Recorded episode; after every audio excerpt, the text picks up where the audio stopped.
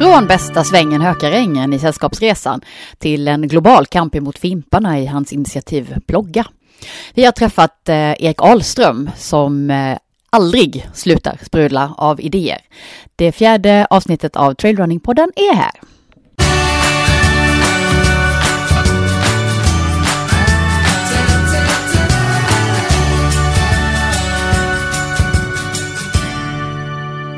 Trailrunning-podden har fått fin besök av eh, Erik Ahlström idag. Tjena Erik!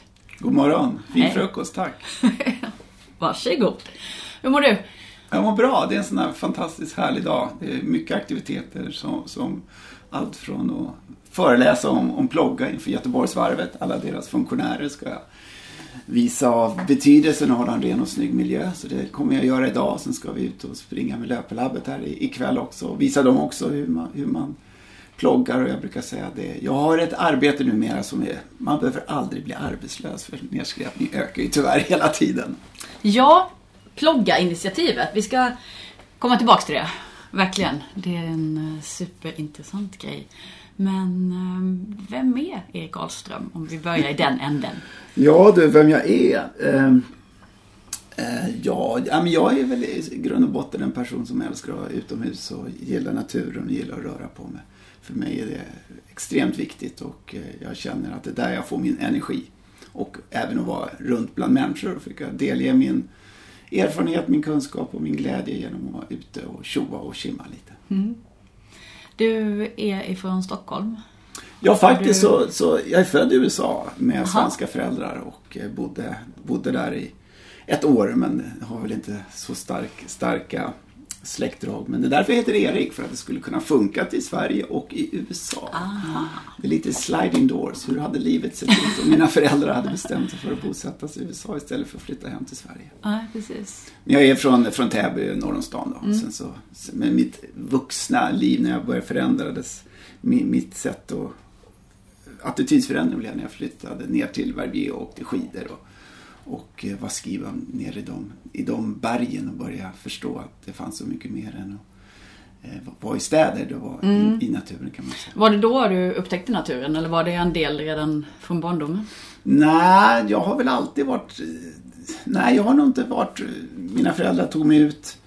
Eh, Jag var, jag var scout, men det var aldrig någonting som var riktigt viktigt. Jag kommer ihåg någon gång för länge sedan vi åkte husvagn runt i Sverige och eh, jag, jag satt inne i husvagnen och läste en bok medan min lillebror och min mamma och pappa gick upp på, på Sylan eller vad det var. Eller, eller om det var Blåhammaren. Det var någon fjäll. Jag, jag låg mest inne och läste en bok på den tiden. Men då var man kanske 14-15.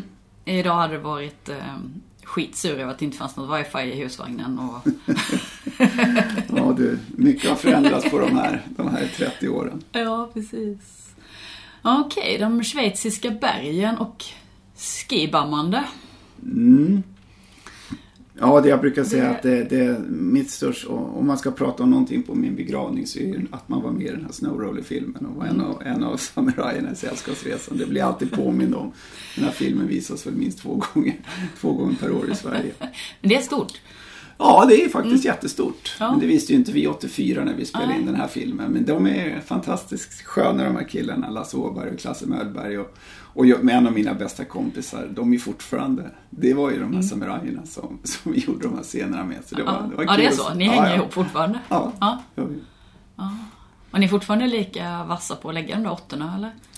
ja jag, jag tror ju det. Men det är väl så att eh, i, i, i kroppen är man ju fortfarande, man är ju inte 25, men man tror ju det i huvudet i alla fall. Men det var faktiskt då som, eh, som mitt liv förändrades. Jag skulle göra en sån här skidalpin tävling som heter Patrouille de Glacé. Som går mellan Zermatt och Verbier. Eh, ungefär 4 mil lång och 4000 höjdmeter. En, en av de kraftigaste elddopen eller mandonsproven man kunde göra på den tiden. I alla fall nere i Alperna. Men så bröt jag fotleden bara några veckor innan tävlingen. Eh, och så låg jag på sjukhuset i Sion och visste inte vad jag skulle hitta på med livet. Och då kom upp en kompis från, från, från Verbier som bodde i Kiruna som hade en, en, en klassisk broschyr och den stod det turistsportlinjen på. Eh, Så jag tyckte, wow, jag kanske hade bott och åkt skidor i Alperna och USA i sex år. Så jag tänkte, dags att göra något nytt.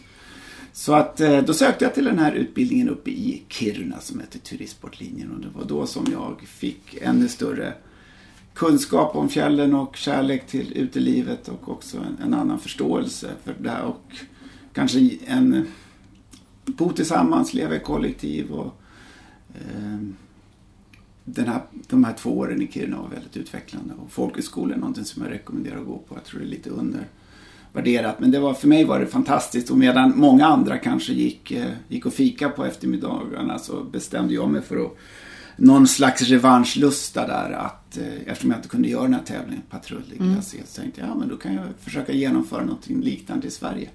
Och det är då som Kebnekaise Classic då skapades 90, 94. Mm. Den såg helt annorlunda ut än vad den är numera. För att eh, då bodde man ju i snöbivack mellan dag ett och dag två. Eh, och eh, anledningen till att den heter Classic det var att man gick den, eller man går ju fortfarande många delar av den här klassiska jojo-leden. Så att på den tiden fanns det inga äventyrstävlingar alls i Sverige. Utan eh, det här var ju den första. Det här är långt innan multisport. Det är mm. långt innan fjällmaraton. Mm. Mm. Ah, fjällmaraton kom Eller? faktiskt året efter. Ah. Det här var 94. Så att, mm. eh, Och det här var ju Vasaloppsvinnare. Det kom ju mm. allt från Ola Skinnamo till Mats Andersson och, mm. och eh, Torgny Mogren har varit med och, och Micke Lemmel. Och, ja, det har varit mycket liksom, folk som, som var duktiga på konditionsidrott. Och det man gör är alltså att man går på stighudar. Mm. Mm, med skidorna och sen så åker du nerför. Ja, mm. och sen så hade man ju, då, då, hade man ju allt från tält och, nej inte tält förlåt, man hade ju man, lag, man lagade sin egen mat, man smälte i sin snö och man grävde i de här snöbevackarna mellan dag ett och dag två. Så man smälte ju all snö för att få vatten och mat och sånt där. Och sen så fortsatte mm. man dag två. Så det var ju, det var ju indirekt lite en överlevnadstävling. Man mm. fick själv disponera hur man skulle ta sig runt i, i fjällen under två dagar och arrangera en tävling i fjällmiljö uppe i Kebnekaise. Om vi säger så, jag arrangerar kanske ett 30-tal tävlingar och kör någonting i, i fjällmiljö under april i Sveriges mest, näst mest högalpina område då, om vi då Sarek är ju mest, men det här var ju mm. bland det svåra man kunde göra. Så det var ju tufft. Det var ju laviner och det var ju dåligt väder och det var ju glaciärsprickor och sånt där. Så av de här sex åren som jag körde tävlingen så gick det bara två år som vi kunde köra ursprungsbanan. Annars fick vi Oj, göra alternativbanor. Men mm. man fick, man fick, hårdhudad blev man av det här i alla fall. Kan jag säga. och sen dagen efter, eller dagen efter, året efter så, så fick jag jobb i, i Björkliden. Mm. Som marknadschef där uppe. Och då, På eh, fjällstationen? Ja, mm. och då hade jag en idé redan att jag ville föra över den här KIM som det då heter, som Carmore International Mountain Marathon, vill jag föra över det till Sverige. Så nu så är då tävlingen BAM som den heter. Nu är den inne på 25-årsjubileum så nu ska jag upp i, till Björkliden, Riksgränsfjällen så det blir jätteroligt. Ja. Tiden går fort. Elisabeth, 25 år. Men du startade upp Cape Classic, drar året därefter igång BAM. Hur eh, alla dessa idéer? Är det så här, ja, efter internationell förebild eller hur? Eh? Ja, det har det nog varit. Ehm, även en, den här År Extreme Challenge. Ja, var, precis. Var ju, sen kom de. Ja, mm. det var ju 97. Och det var ju min vän James Venmore som jag känner jättebra. Som vi fortfarande hänger ihop väldigt mycket med. Det var han som kom med idén. Mm. Och frågan till mig om jag ville starta någonting som hette Multisport. Jag hade ingen aning om vad det var. Mm. Och eftersom jag då bodde i Åre, eftersom jag hade flyttat från, från Björkliden ner till Åre som var lite mer centralt och lite mer lättillgängligt än att bo uppe i de riktigt stora fjällen mm. runt Björkliden. Eh, så, så, för mig var det ju någonting väldigt spännande och, och, nytt och framförallt när vi lyckades få ihop en sån jättefantastisk bana som det ändå är att och alla de här tre deltävlingarna, eller delmomenten som mm. är en multisporttävling. Paddling tar ungefär lika lång tid som löpningen, som cyklingen. Mm. Så vi brukar kalla tävlingen den längsta dagen. Man startar ju från Tämforsen och paddlar ner till, till Åre och sen springer man tusen höjdmeter upp på Åreskutan. Det var ju också någonting som var ett måste att vi skulle springa upp på Åreskutan mm. såklart. Eller gå upp. Många tror ju att man springer men det gör man inte. Man går ju. Mm. Och så springer man ner till huset och sen cyklar man runt 3,5 mil. Mm. Så det var 97 som var första året som, som vi startade Åre Extrem Challenge. Vad tyckte folk om de här, alltså det var ju alltså extremtävlingar. Var det, var det bara de här allra hårdaste hårda som vågade sig på det, eller hur? Nej, men det var en skön blandning av, ja. människotyper. Jag vet till exempel Kebnekaise Classic, det var de här sköna gubbarna från Alingsås som som de, gick, de kallade sig själv för Karamellpojkarna och de gick ju bara på trappmaskiner och tränade nere i södra fjällen. Så att, har man lite extra pannben och vill man utsätta sig för äventyr och utmaningar så, så alla de här tävlingarna passar strålande. Och ett, ett sätt att mm. få morötter och träna och förbereda sig inför helt enkelt. Mm. Är du stolt över de här Ja, det är man, jag brukar inte titta så mycket bakåt i backspegeln, jag brukar blicka ja. framåt. Men såklart, ja. det här har ju påverkat många. Många har haft ett mål, många har mm. sett jag vet en kille kom jag på nu, han, hade, han, hade, han var utbränd helt enkelt så han, han beslöt sig för att han skulle cykla från Stockholm hela upp till Åre. Och då hade han på sin cykel, efter sin cykel hade han en liten kärra och den hade han en kajak. Så han cyklade hela vägen från Stockholm med sin kajak upp till Stockholm, eller mm. upp till Åre och körde mm. Åre Extreme Challenge. Det här var ett sätt för honom att bearbeta sin utbrändhet. Så jag, jag hoppas och tror mm. att det är många som, dels mår man ju såklart bättre av att röra mm. på sig, det vet vi alla, det är därför vi, vi brinner för vårt engagemang. Ja få den fysiska tröttheten mm. Ta över. Mm, mm. Adrenalinen, endorfinen man får när man rör på sig. Jobbar du med någon av de här nu? Det gör du inte? Nej, jag känner ju alla arrangörer. Ja. Som BAM ska ju upp till och, mm. och Scott Cole i Åre Extreme Challenge. Är, är, ja, mm. Lite bollplank med honom emellanåt och han gör ju ett fantastiskt jobb hela gänget där uppe. Så att, eh, nej, jag, jag, är ju, jag är i branschen insyltad mm. petar in mina fingrar i många syltburkar. Jag tycker det är jätteroligt. Men det här med att arrangera, är det något speciellt för dig? Arrangera event och tävlingar för, för andra? Ja, det har ju varit så. Jag har ju arrangerat även sådana här stora, extremt långa äventyrstävlingar. Den största var 98 och 99. Det hette The Endless Odyssey. Det var innan Adventure Racing blev riktigt stort. Och det var ju från hela vägen från Narvik, hela vägen ner till Bottenhavet till Luleå. Så mm. var 80 mil lång multisporttävling. Eh, men det jag orkade helt enkelt bara under två år. Ja. Och i mina sol man jobbar jämt. Så att det blev för mm. mycket. Mm. Man får inte eh, samma sak med den här tävlingen, Sweden Sky Race 24 som, vi, som jag var helt övertygad om att det skulle blivit bland, bland de finaste fjällöp, mm. fjälllöpartävlingarna. Ett lopp som ni körde två, ja, två år, år uppe i, i Björkliden. Ja. Mm. Eh, tyvärr så gick, kunde vi ju bara genomföra det under två år för att jag ville ha tävling under midnattssol och midnattssol har man ju bara norr om polcirkeln då förstås. Och midnattssol är ju under, bara under ett få, fåtal veckor. Eh, och då startade vi tävling klockan sex på kvällen för att man kunde springa när solen går ner eh, mm. nedanför fjälltopparna så går den upp några timmar senare.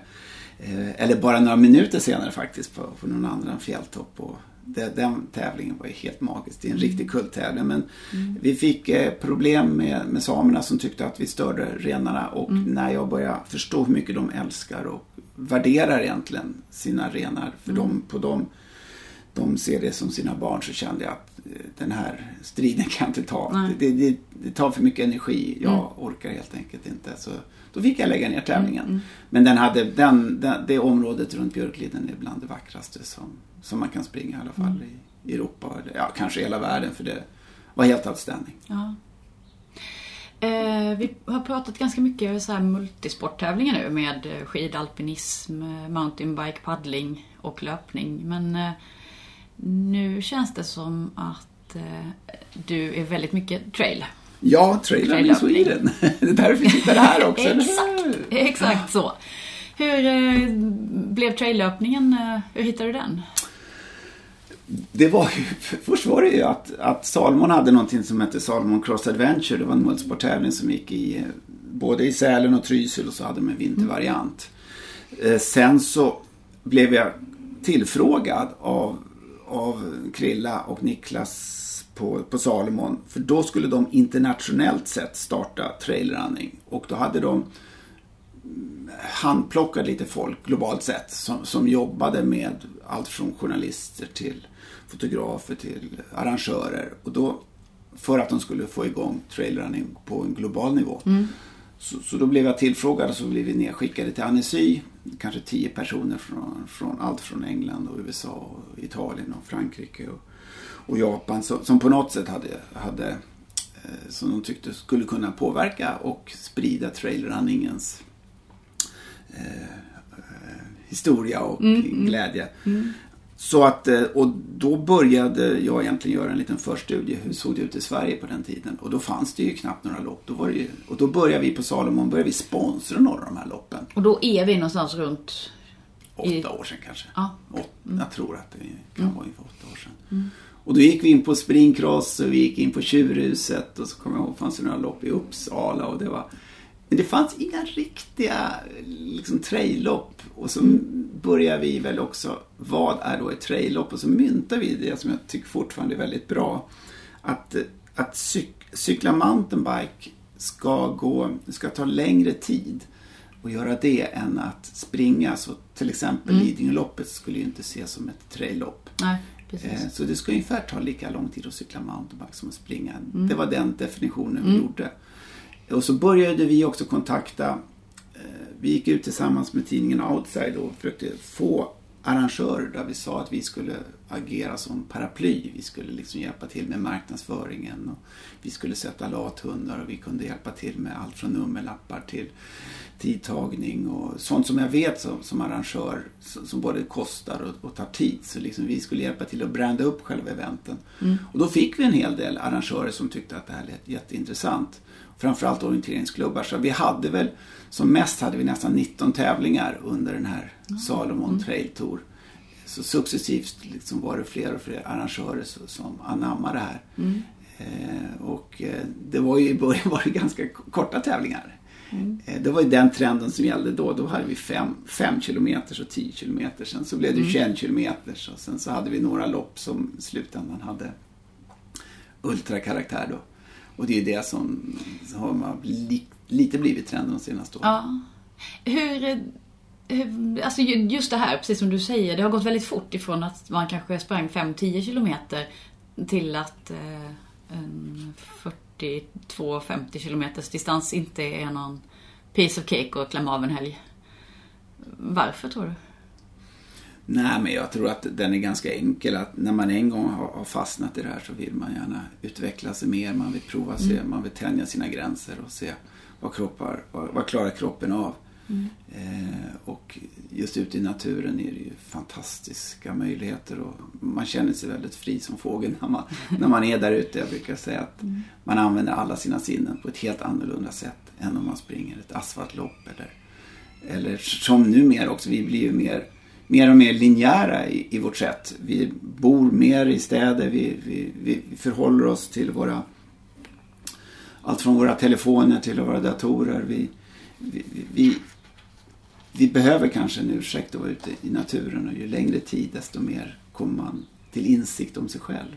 Och mm. sina egna svagheter men även sina, sina starka sidor. Mm. Jag tror att det kan vara en av anledningarna till att just springa långt ökar hela tiden du hinner eh, ta ett rejält snack med dig själv under en 50 kilometers runda. Ja, mm. ja min, min kompis Helena Olmos hade gjort eh, en väldigt bra citat tyckte jag. Det, att man, man springer inte iväg från sig själv utan man, man, man lär sig mycket om sig själv mm. under den här perioden man är ute. Mm. Man kan, inte, man kan inte försvinna iväg och gömma sig bakom någon musikpodd eller något sånt där. Eller, uh, uh. eller, man är väldigt närvarande när man gör själva aktiviteten och man blir nästan som beroende mm. av att vara ute. Hur mycket springer du själv? Ja, just nu har det, har det inte blivit så mycket eftersom jag har, eftersom det inte är så nedskräpat så måste jag ju plogga hela tiden. Du hinner inte ta så många löpsteg innan du stannar? Nej. Nej, men jag har haft lite mm. problem med en hälsena och sen är jag lite, lite okay. dålig med, med själva rehab och sånt där också. Mm. Så att det har blivit lite mindre. Men jag gillar ju all sorters aktivitet. Jag gillar att cykla och paddla och komma ut och, och resa ut i fjällen och, och vandra. Och, mm. Eller speedvandra. Jag, jag gillar att ha lättpackning. Mm.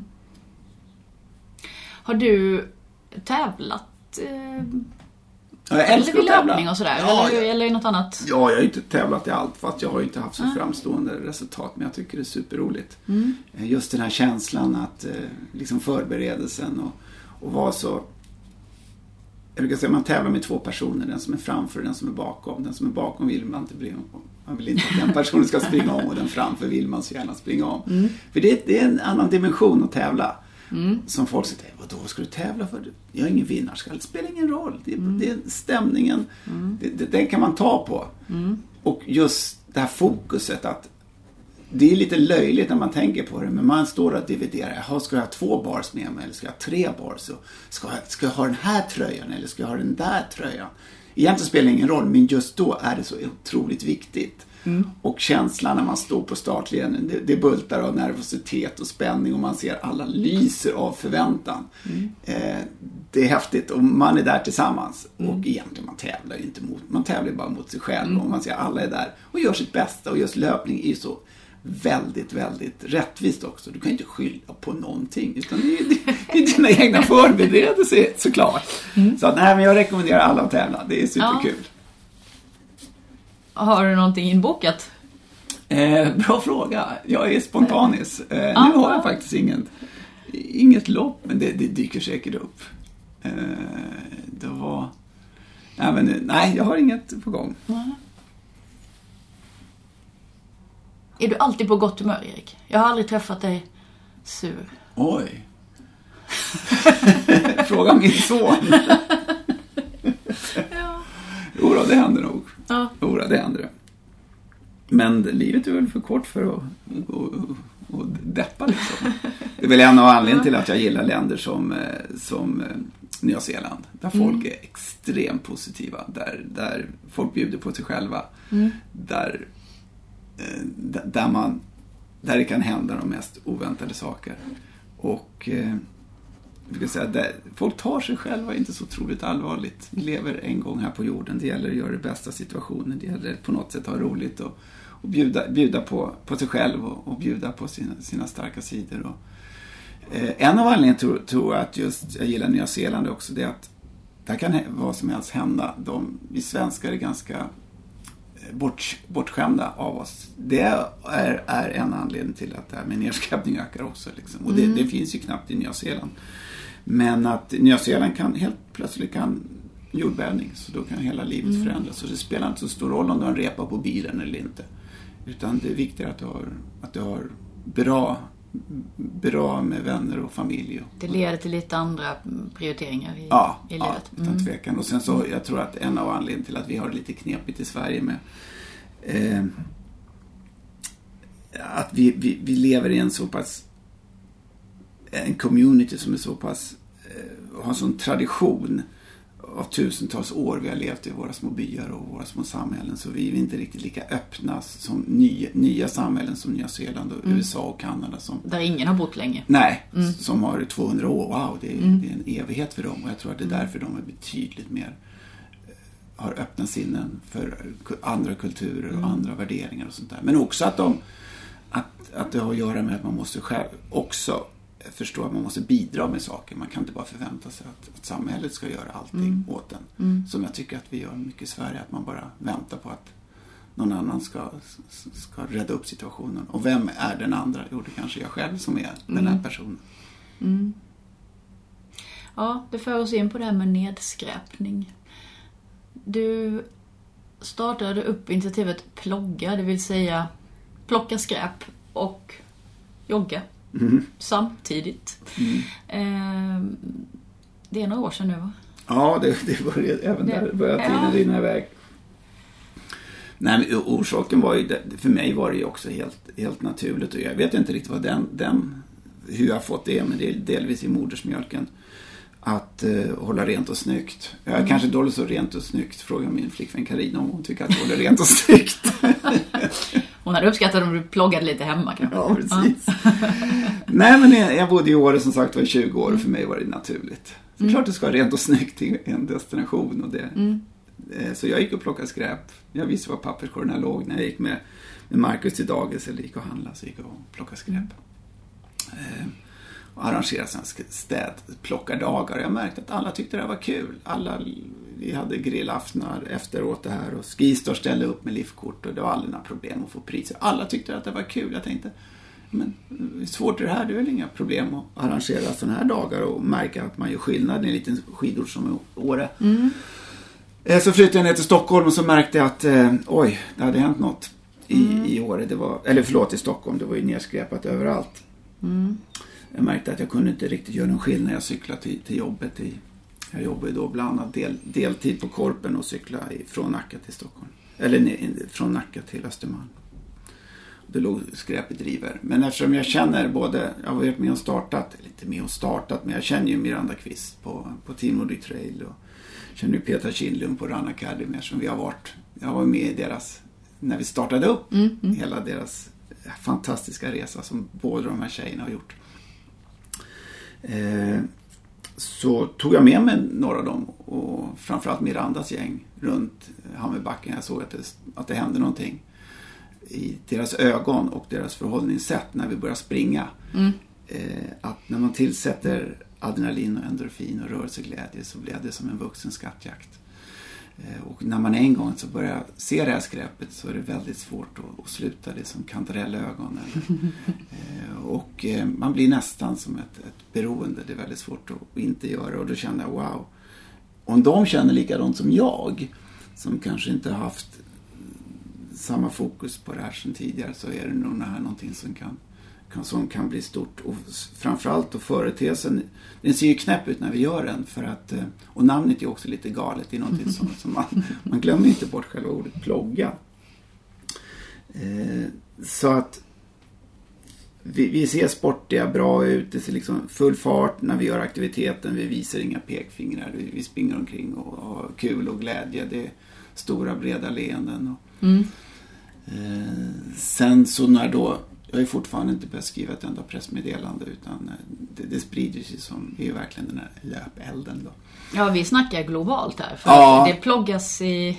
Ja, alla, Asien, värld, ja, alla, eh, alla världens ja. länder nu och då Ja. har det blivit mer att de kallar det plogging. Mm. Och det finns ju med i kanske tio olika ordlistor globalt sett Mm. och jag vet att den stora fitnesstrenden i Indien nu det är att plogga och världsrekordet i Mexico City.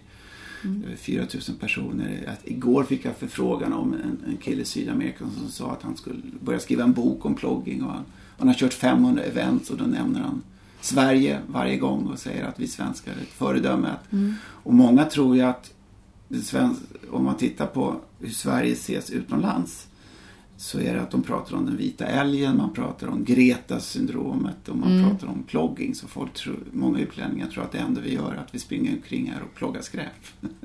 Vilket kanske inte Vi, riktigt vi är fallet. puttar undan isbjörnarna på gatorna och säger akta dig, jag ska ta upp den här. Ja. Okej. Jag önskar att så vore fallet men fortfarande slängs det ju tre miljoner fimpar i Sverige per dag. Mm. Och varje fimp förgiftar två liter vatten. Tre miljoner per dag. Tre miljoner fimpar per dag. Och varje fimp innehåller så pass mycket gift så att den Mm. förgiftar två liter vatten och tar upp mot fem år innan den försvinner. Mm. eh, men jag gillar det här avslutningscitatet i, i filmen Plastic Ocean. With knowing comes caring, with caring can changes. Mm. Så nu har ju vi inlett ett samarbete med McDonalds och det, jag är super förväntansfull på det. Ja. För de konsumenterna, de Mhm. förstår ju inte riktigt bättre. Det är många av dem som öppnar rutorna på bilarna och slänger ut det här skräpet i vägrenarna. För ordet vägren, det är någonting som, som tyvärr det, det missbrukas.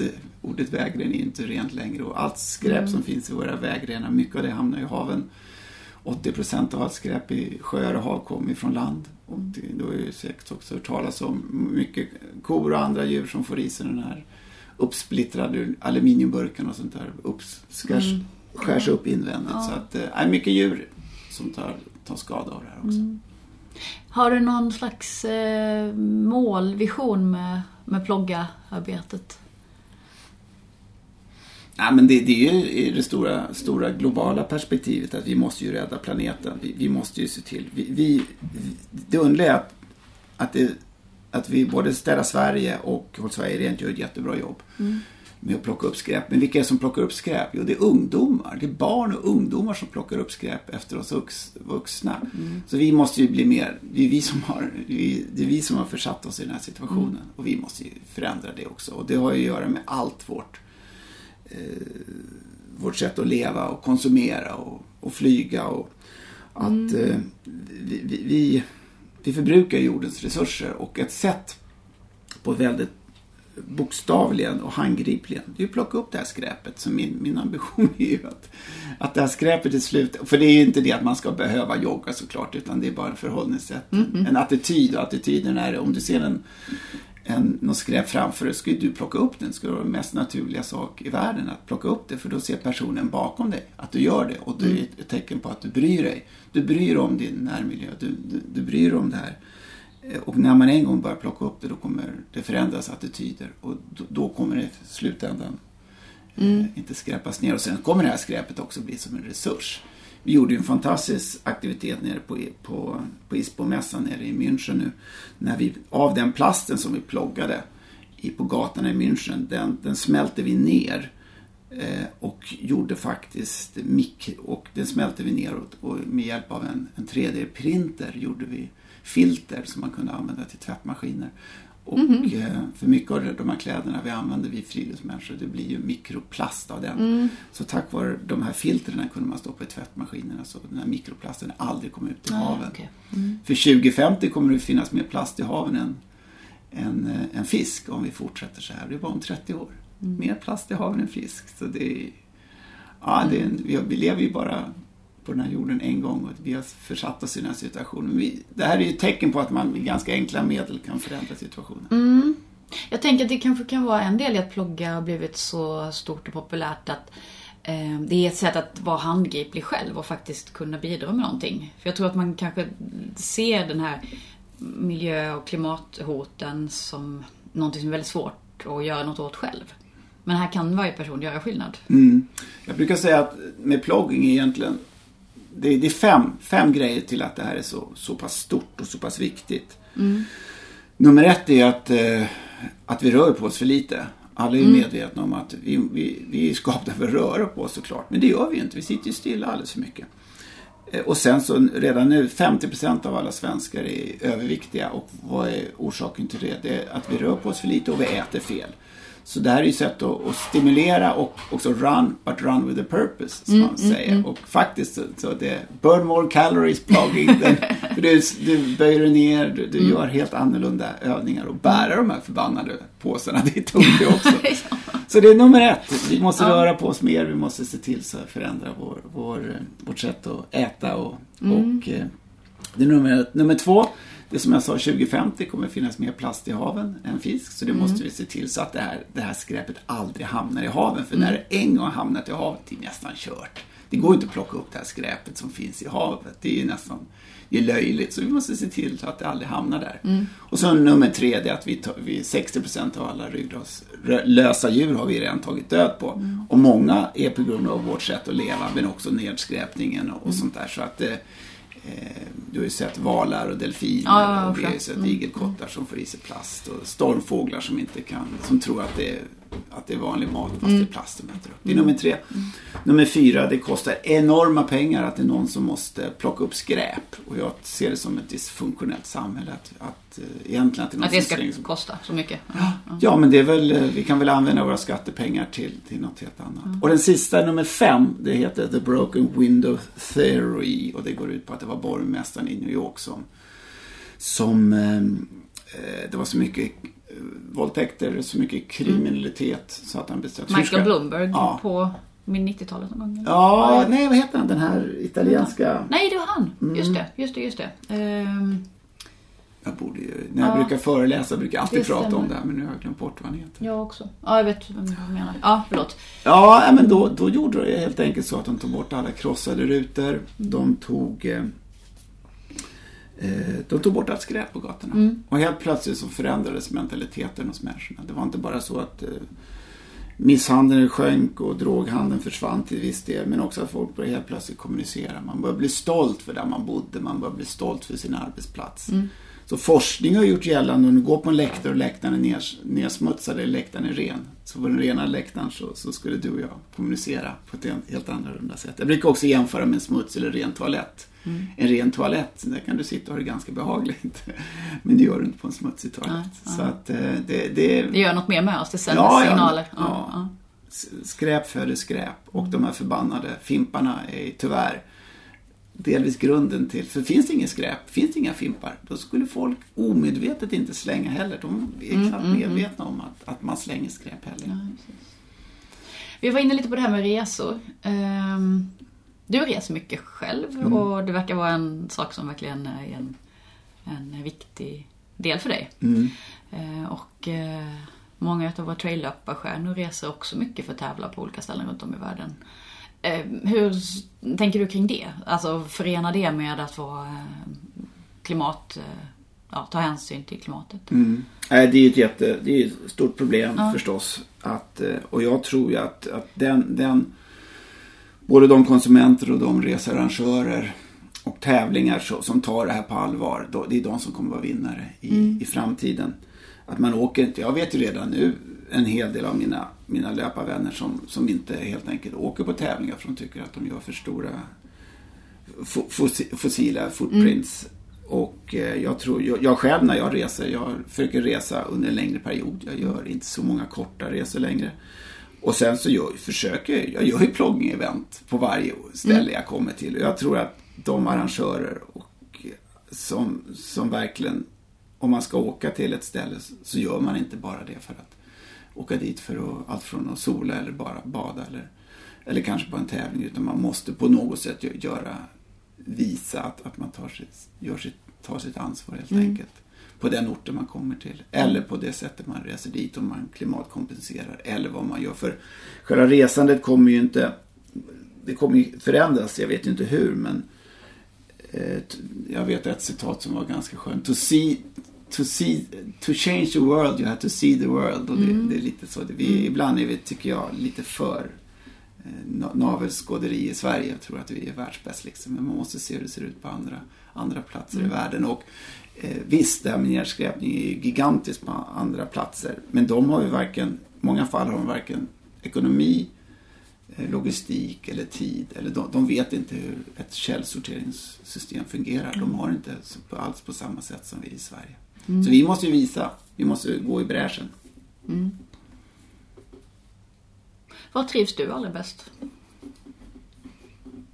Jag har fått några sådana frågor och det, det beror helt på sällskap, årstid eh, och, och, och aktivitet. Men det, det, det har ju någon slags eh, outdoor-vinkel. Om, om, det, om det paddlar, eller cyklar eller springer. Eller, så, så spelar det inte så jättestor roll. Utan, men jag, vill, jag gillar variationer. Eh, Och sen har jag, li, jag börjar få lite svårt för, för svenska mörkret och i november, december, januari. Men det är nog mörkret och jag tycker att det, det genomsyrar lite vår mentalitet också. Att eh, det känns som att eh, vi går och väntar. Vi går och väntar på att våren ska komma och jag tycker att livet är för kort för att gå och vänta. Eh, och då, då ska man kanske vara på andra platser om man har möjlighet. Och kanske, jag brukar säga att jag gillar att sitta på flera stolar och inte jag har nog aldrig bara haft ett arbete utan jag försöker att ha, flera arbeten för det är så man träffar nya människor. Det är så man får nya arbetssituationer och också så att eh, och nu har jag kommit till den sitsen så min son är så pass stor så att han är inte beroende av mig längre och då, då har jag möjlighet att kanske bo på, på annan ort under den här perioden som jag tycker att vi svenskar inte riktigt spritter av glädje som vi har när, när våren Kommer börjar. inte till vår rätt riktigt. Nej. Mm. Eh, jag, brukar tänka lite så att mm, det är lätt för de som sitter nere vid Medelhavet och tycker att vi svenskar är tråkiga och tillknäppta. Men de kan ju testa själva. så här, november, december, januari och se hur kul man är. Och Du, ehm, hur ser du på framtiden för traillöpningen? Vad kommer att hända? Kommer trenden att fortsätta? Fler upptäcker skogen och löpning i skogen? Ja, utan, utan tvekan eftersom vi, vi kommer leva mer eh, vi kommer mer flytta till städerna, vi kommer mer leva det här linjära livet tror jag. Och då måste vi ha andningshål, vi måste ha naturreservat, vi måste ha skogar. Vi, vi, det är där vi hör hemma. Så att visst, det, det, kommer, det kommer fortsätta växa. Eh, I vilken omfattning är svårt. Jag tror också det här med att springa långt kommer växa och gå, vandring kommer växa. Mm. Sen så har det allt med allemansrätten och eh, också förhållningssätt ute i naturen. Att kunskapen, jag, jag ser det till viss, jag blir lite bekymrad ibland. Och Extreme Challenge är ett typexempel. Folk, folk köper sig utrustning men, eh, men de jobbar häcken av sig för att kunna köpa en, en, en kajak i karbon som kostar 50 000. Men, men kom igen liksom. Gå ner, på, gå ner jobba 70, 75 procent. Ut och paddla lite mer istället. Istället för att köpa den här förbannade kajaken som kostar så mycket. Eh, så jag hoppas ju att folk drar ner på, arbete och kommer ut lite mer. Mm. Och vilken sorts aktivitet man gör, det tycker inte jag spelar så jättestor roll. Nej. Men man kan ju alltid plogga samtidigt. Och det går ju bra att paddla och det går ju bra att cykla också. Ja, precis. Ja. Finns det någon skillnad i traillöpningen och traillöparen? eh, Liksom eh, när du började plocka in eh, ja, Salma Trail Tour och det här för, i början på 2000-talet?